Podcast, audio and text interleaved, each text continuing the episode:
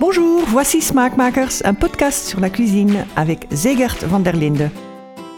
Dans chaque épisode, il parle avec quelqu'un au sujet de manger, de boire et des plaisirs de la table. Hallo, leuk dat je er weer bij bent. De laatste smaakmakers van 2019 alweer met, je hoorde haar al, Karin Luiten. En wellicht kun je ook wel raden waar we het over gaan hebben. Mais oui, la cuisine française. Vorige maand kwam Karins nieuwe boek uit, De Makkelijke Franse Keuken. Vol heerlijkheden als pâté de campagne, steak bernaise, bœuf bourguignon en petit gâteau. Loopt het water je al in de mond? Dan ga ik je echt jaloers maken. Ik mocht namelijk bij Karin aanschuiven voor een lunch met heerlijkheden uit dat heerlijke kookboek. Tussen de kaas en het toetje bouwde ik mijn mobiele podcaststudio op en stelde ik Karin die ene vraag die ik altijd stel.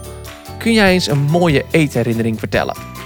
Oh ja, dat is lastig, want aan eten zijn zoveel herinneringen verbonden. Maar ik, het eerste wat nu een van de manieren in mij opkomt was uh, toen ik au pair ging in Zwitserland op mijn zeventiende. En ik kwam bij een familie terecht in Franstalig Zwitserland. En daar heb ik eigenlijk leren koken.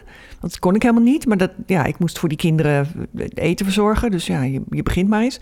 Maar van de, de mevrouw waar ik in huis zat, die heeft mij kip leren maken.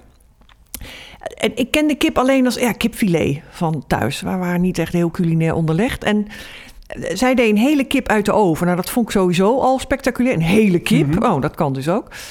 En het enige wat zij deed was zout, peper, olijfolie, een beetje invrijven, de oven in. En na een uur kwam die eruit en was die geweldig lekker. En het rook lekker en ik vond het een openbaring. Dat dacht, zo simpel kan eten zijn en zo verrukkelijk. En dat, dat was een beetje wel de start van mijn, mijn culinaire ontwaken, zou ik ah, ja. zeggen. Dat is wel leuk inderdaad, want het is, heel, het is vrij eenvoudig wat je ja. opschrijft. En dat is denk ik ook wel, uh, snap ik wel, dat komt ook wel terug in wat jij doet. In de manier waarop je met eten omgaat. Het is altijd lekker, maar het moet nooit. Het is nooit te moeilijk. Nee, het hoeft, nooit, het hoeft niet moeilijk te zijn om, om lekker te wezen. En ik, ja, mijn slogan is altijd al kleine moeite, groot effect. Dus ik, ik hou van dingen die, die, die weinig inspanning uh, behoeven. Maar die er dan wel uitzien en smaken alsof je je enorm hebt uitgesloofd. Ja. Die complimenten, die wil je natuurlijk wel hè, als kok. ja, ja, en dan altijd, ja, maar dat was geen moeite joh, helemaal niet. Nee, nee, want dan kan ik vervolgens uitleggen... nee, doe even dit en dat en zus en dan kun jij dat ook. En daar verdient ze dan haar geld mee. En terecht wel hoor, want De Makkelijke Franse Keuken is een prachtboek. En ik had het geluk dat Karin zelf de lunch verzorgde deze middag... Een vier gangen lunch op maandagmiddag, dat gebeurt me niet elke week. Dus daar moeten we even bij stilstaan. Alleen die eerste gang, daar heb ik wel wat hulp bij nodig. Want hoe spreek je dit nou fatsoenlijk uit? Uf mayonaise. Uf mayonaise. En daarna hadden we lekkere preitjes. Ja, met, poireau vinaigrette. Vinaigrette. Dat ik geen dressing mag noemen, heb ik geleerd uit het boek. Nee, op zijn Frans, hè, vinaigrette. Ja, dressing is ja, een beetje Engels of zo. Maar is Engels. Het is eigenlijk het, het is twee woorden voor hetzelfde, toch? Het is uh, saus, uh, sla, saus die bij de sla gaat. Ja. Hoort. Ja, en dan geen slaasaus. Nee, niet die witte nee, fles nee. Nee. nee. nee, dat niet. En een kaasje en een nog, hè? Ja, Ja, een ja. Coeur de Neuchâtel. De Een, Neuchâtel. een, een hartvormig, zacht wit schimmelkaasje uit uh, Neuchâtel-Ambré. Want daar was ik toevallig van de week. Een heel lekker kaasje. Ehm, want jij legde, je vertelde een beetje hoe die... Je kunt allerlei verschillende soorten daarvan kopen, vertelde je tijdens Ja, je, je, je koopt of de, de, de jonge versie. En als je hem wat langer eh, laat liggen, of tenminste dat doet de, de kaasboer zelf dan al, dan is hij wat, ehm, eh, dan wordt hij wat cremiger van binnen. En eh, dan heb je nog een stap verder, dan is hij wat ouder. En dan, wordt hij echt, dan verandert hij ook echt van kleur. Dan wordt hij wat bruin en dan wordt hij echt sterk van smaak. En, eh, dus je kan zelf kiezen wat je, wat je het lekkerst vindt. En wij hadden een beetje een, een, Ik had tussenweg. de, de, midden, de middenmoot. Ja, ja. En zo, dus in binnen zat nog een beetje... Binnenkant was nog een beetje... Ja, ik zeg korrelig. Dat, dat klinkt heel rul vies. van Rul. binnen, ja. rul. En dan aan de buitenranden wordt hij dan helemaal zo zacht smeuig. Ja, wat je kent van echt zo'n ja, klassiek Ja. Frans kaasje. Dat is een Ja, beetje de, en dan, ja, dat hartvormpje is natuurlijk ook heel leuk. Ja, het presenteert altijd goed, denk ik. Ja, en ik, in mijn boek staat hij ook op de foto. En ik wilde er per se eentje hebben. Dus ik moest wel even een paar kaasboeren afbellen. Maar dat is wel toch te vinden hoor. Bij een goede kaasboer. Ook hier in Nederland gewoon ja. al. Ja. ja. Ja, want ook, ook- kijk, voor dat, voor dat boek heb ik natuurlijk boodschappen moeten doen in Nederland. Je kunt in Nederland veel meer vinden dan je denkt. Dat is misschien ook wel... Is wel geruststellend. Ja, Dat- Je hoeft niet, echt niet voor alle boodschappen naar Frankrijk. Nee, en, en ik denk als je, als je even, even iets verder kijkt dan de supermarkt... Dat is denk ik wel... Zo'n Ja. kaasje kun je natuurlijk niet zomaar bij de Jumbo of de Albert Heijn of de, natuurlijk- nee, of de maar Aldi dat- halen. Ja, maar kijk, het is natuurlijk ook... ik heb in het boek ook een, een speciale afdeling culie-souvenirs. Van hè, wat, wat moet jij nou uit Frankrijk meenemen? En dan zeggen mensen altijd van... oh ja, maar dat kun je tegenwoordig ook in Nederland krijgen. Ja, natuurlijk kan dat. Maar A, eh, ja, dat is heel fijn... Van dat heel veel dingen tegenwoordig hier te krijgen zijn. Eh, maar B, het is gewoon ook veel leuker om dat in Frankrijk te kopen. Als je daar toch bent... In een podcast of twee, drie geleden zat, ik, zat Suzanne Arends tegen me over mij. En toen hebben we het er ook over gehad. Over gewoon dat naar de supermarkt gaan in het buitenland op vakantie. Gewoon een fantastisch, Ja. is gewoon een fantastisch uitje. Thuis is het noodzakelijk kwaad. Op vakantie, dan neem je daar de tijd voor. En dan, dan, ja, dan is het heerlijk, vind ik, om uitgebreid te struinen. En Gewoon te kijken. Ja. Ik weet, wij gingen als kind, vroeger met gezin gingen we altijd naar Frankrijk, standaard. En dan inderdaad zo'n zo'n Carrefour in, weet je wel. En dan bij de vis kijken. En daar lagen gewoon nog hele vissen en kreeften in, in, een, in een kom en een bak. En dan, ja, ja, prachtig. Dat, ja eh, daar, word, daar word je toch blij van? Ja, is zo heerlijk, ja. boodschappen doen weer leuk. Ja. Ik was nu van het weekend, waar, waar toen ik dat kaasje kocht, ook op echt zo'n boerenmarktje. En dan ja, er stond er een, een meneer met echt zo'n kraam met, ja, met gewoon een bergje wortels en een bergje prei. En een gewoon allemaal dingetjes uit zijn eigen tuin. Dus ik heb hem, nou ja, ik heb zijn hele voorraad prei eh, opgekocht. Die hebben we net opgegeten. Ja, dat vind ik dan zo leuk. Ja. En dan, eh, eh, ja, ik, dan, op die manier vind ik boodschappen doen ineens weer heel feestelijk worden. Ja. In plaats van, oh shit, we moeten ook nog boodschappen ja, doen. oh ja, morgen, ja, ik ga wel even snel langs die schat. Ja. Ja. Frankrijk is, hangt voor mij heel erg samen met vakantie en, eh, en eh, hè, even lekker. En al, alles, is, alles is leuker in Frankrijk. Dat is natuurlijk niet zo, maar op vakantie Mm, voelt het wel zo. zeggen, ja. En dat, dat is ook wat ik dan in dat boek een beetje uit wil stralen. Van, hé, ja, lekker, we gaan Frans, we gaan Fra- Franse boodschappen doen... en dan gaan we daarna lekker ermee koken. En nou ja, dat, dat is ook... Ik weet niet, ik, ik vind het helemaal niet erg om op vakantie te koken. Als ik Nee, een, gewoon een, een huisje heb met een gasfornuis... ja, laat Prima. mij maar gewoon... Je kan daar toch leuke dingen aanschaffen... en dan ga ik daarmee experimenteren. En Dat is juist leuk, toch? ja, Ja. en tegelijkertijd kan je natuurlijk ook heel veel dingen in Nederland maken. Het is niet zo dat je per se alleen maar dus in Frankrijk Frans kunt koken. Nee, Nee, het, het, het, het past, het beeld dat je schetst past natuurlijk ook wel echt bij vakantie. Inderdaad, lekker struinen over een markt of door een supermarkt en lekker rustig de tijd nemen. En dat is juist het, het, dat is het lekkere, dat, dat hoort ook bij, waar, tenminste waar ik aan denk als ik denk aan Frankrijk, aan, of aan Frans eten, is dat het ontspannen en lekker Ja. eh, met z'n allen aan tafel gaan en de tijd nemen. Maar dat is ook, weet je, het is niet voor niks het, het favoriete vakantieland van heel veel Nederlanders. En eh, iedereen kent Frankrijk van vakanties. En ja, op vakantie is het altijd mooi weer ook. Weet Ja. je. Dus eh, ja, dat, dat hele blije gevoel. Ik dacht, nou, dat, eh, dat wil ik nou eindelijk eens in boekvorm gooien. Nou, dat is gelukt, want het is een heel blij boek geworden. Ja. Toegankelijk ook volgens mij. Ik heb het van het weekend zitten lezen. Het, het is, het zijn hele haalbare recepten allemaal. Ja, hey, ik noem het niet voor niks Nee, de makkelijke waar. Franse Nee, keuken. Nou, ik dacht, ik wil, ook waar. Frankrijk heeft een beetje de, de, de, de reputatie van, oh, ze, ze doen zo moeilijk. De Fransen zelf, maar ook met hun keuken. Met, het zijn natuurlijk allemaal lange be- bereidingswijzen en, en moeilijke zware sauzen. En de hele klassieke Franse keuken, ja, die is daar natuurlijk wel op, op ge- geschoold. Nou, het, het hoeft niet per se.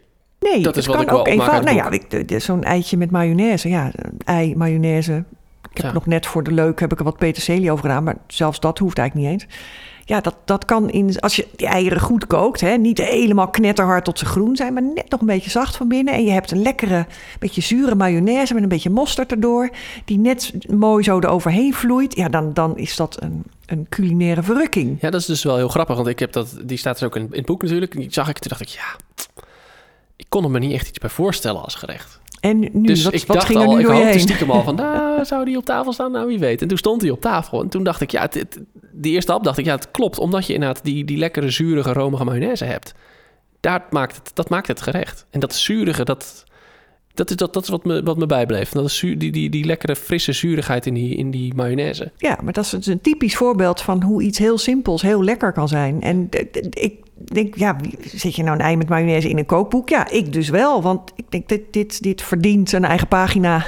Ja. En eh, dit verdient het om, om veel vaker gemaakt te worden. Ja, en het is wel grappig. want Ik denk ook niet dat het... Nu zou ik het bestellen als ik het in Frankrijk in een, in een bistrootje of zo op de kaart zou staan, zien staan. Ik denk, eh, voordat...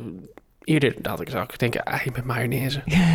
yep, recht. Oké, Ja. eh Ja, dus maar dat is, nooit het, anders lekker. dat is hetzelfde natuurlijk met prei. Het is gewoon het is, eh, is gekookte prei met, met een simpel sausje van, van olie en azijn en, en, en wat nootjes. Ja, dat is ook niet heel spectaculair. Nee. Maar ja, dat is, ja ik, ik vond het...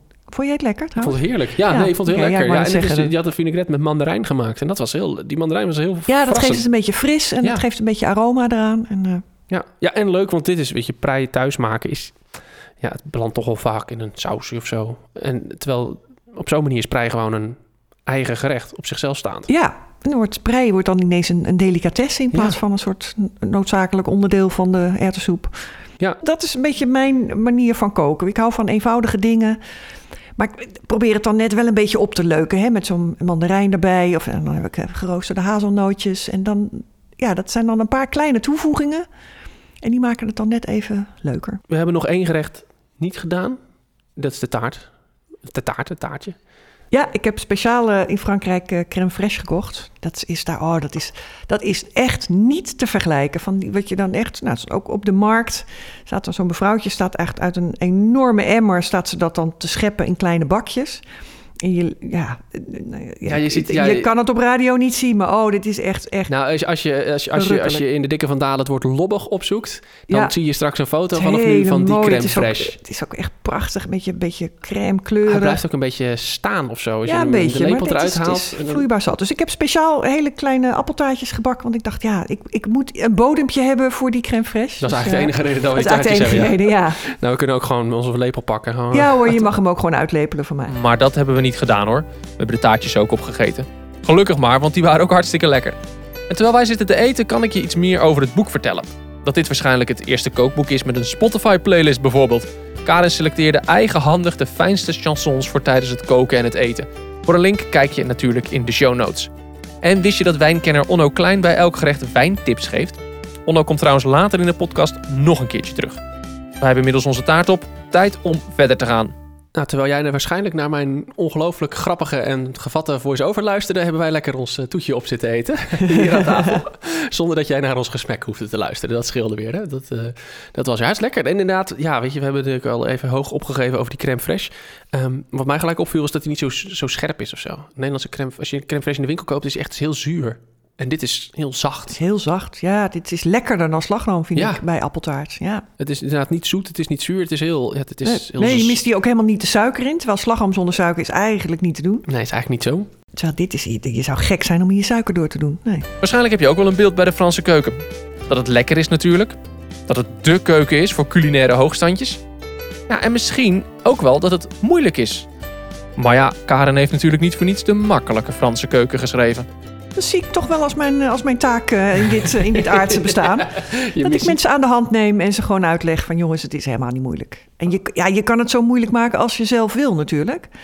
Maar ik probeer gerechten altijd heel veel uit... en ik probeer eigenlijk altijd toch de eenvoudigste manier te vinden.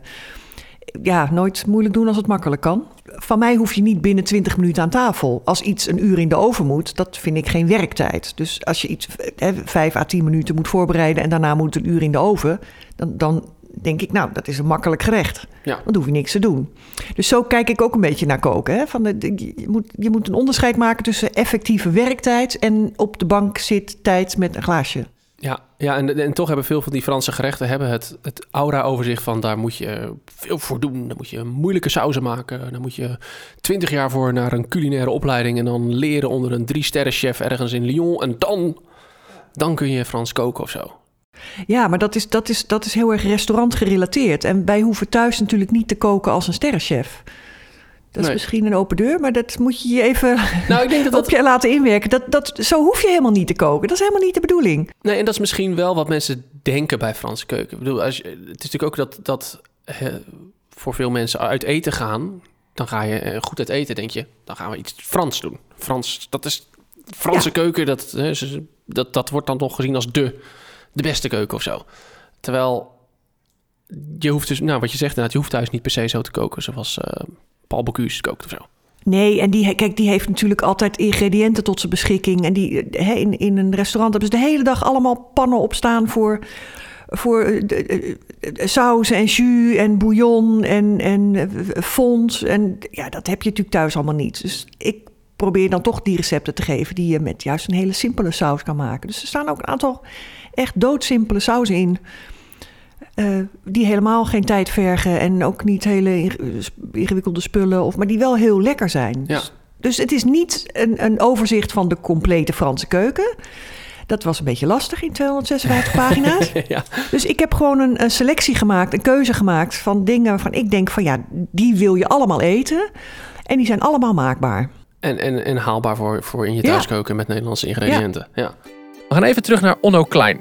Je weet wel, eerder noemde ik zijn naam ook al. Hij heeft de wijntips verzorgd voor dit boek. Maar hij heeft ook een recensie geschreven.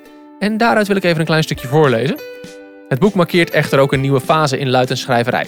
De door haar zelf gemaakte kenmerkende tekeningetjes zijn op twee na verdwenen. Zonder pakjes en zakjes wordt slechts terloops op de achterkant gemeld. En er zijn niet alleen praktische inleidingen bij de recepten, maar ook anekdotische, plus veel grotere sfeerstukken. En dat viel mij dus ook op. Het is een compleet nieuwe Karin Luiten. Ja, maar dat is.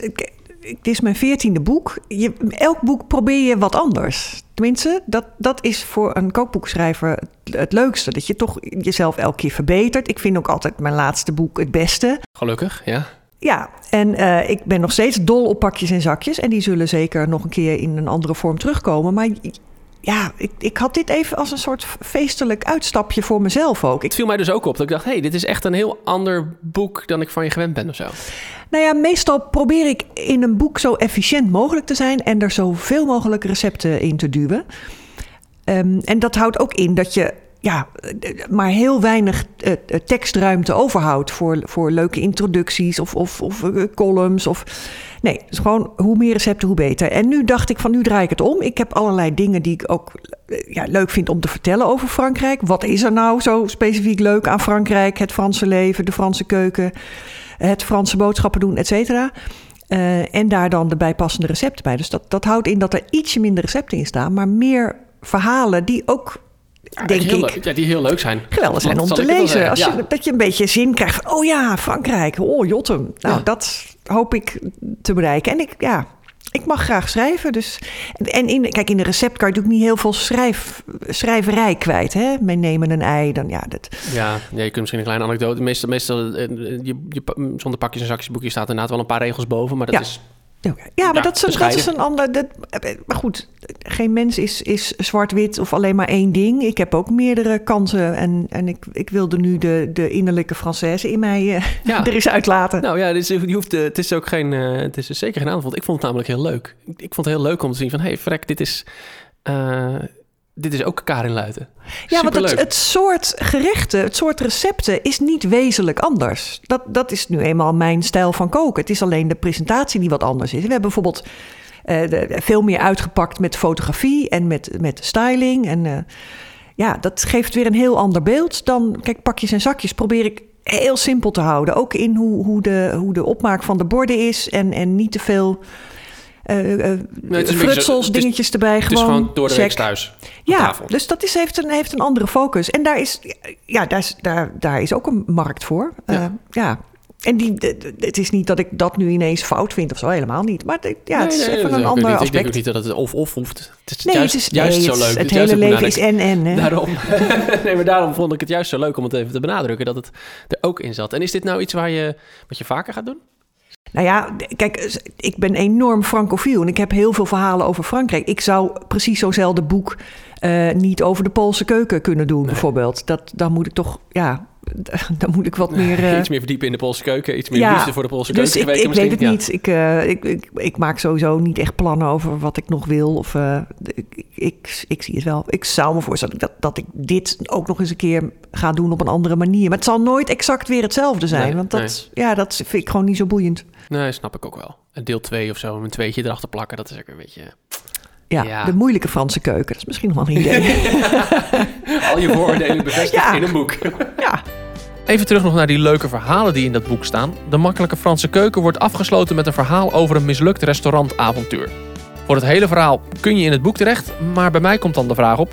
Karin, wil je zelf geen restaurant? Nou, ik krijg heel vaak die vraag van... oh, is het niet jouw droom, een rest, eigen restaurantje? En dan denk ik, oh nee, dat is mijn grootste nachtmerrie. Dat lijkt me een verschrikking. Ja? thuiskoken is zo anders dan, dan in een restaurant. Dan, dan, eh, ja, er zitten mensen met een tafel van vier... en die willen dan alle vier tegelijkertijd iets anders eten... maar wel tegelijkertijd. Nou, hoe je dat dan logistiek in de keuken doet... dat is pas één tafel, hè. Je hebt, Je hebt, je hebt 12 tafels of 20 ja, tafels. dus ik heb liever gewoon bij mij thuis één tafel... sowieso van mensen die ik ken. Ik vind het leuker om te koken voor mensen die ik ken... dan voor wildvreemden. Ja, Dus eh, nee, dat is echt... eh, nee. nee, Mensen onderschatten het denk ik ook heel vaak. ja, enorm. Het is echt, echt een heel ander vak. Ja, het Dus- is knijterhard werken. Dus ook als mensen mij wel eens kok noemen, dan zeg ik meteen: nee, nee, ik ben, ik ben echt geen kok. Een thuiskok. Thuiskok. Iets anders. Ja, je hebt er ook geen opleiding voor gehad? Nee. Nee, gewoon vanuit het niks. hè? Daar Nee, hebben we het al zou- over gehad, een keer. Nee, ik zou echt enorm door de mand vallen als hij mij in de restaurantkeuken zet. Ja. Geen restaurant dus, maar wel een nieuw boek. De makkelijke Franse keuken ligt nu in de winkel. En als je hem nu haalt, kun je nog net proefkoken voor je kerstdiner. Kleine tip van mij. Na de jaarwisseling ben ik er weer, dan te gast de worstenmaker, chef, voedselondernemer en kookboekenschrijver Samuel Levy. Tot die tijd kun je Smaakmakers natuurlijk volgen op alle mogelijke social media en luister je Smaakmakers via de podcast-app van je iPhone. Geef dan eens een rating of een review.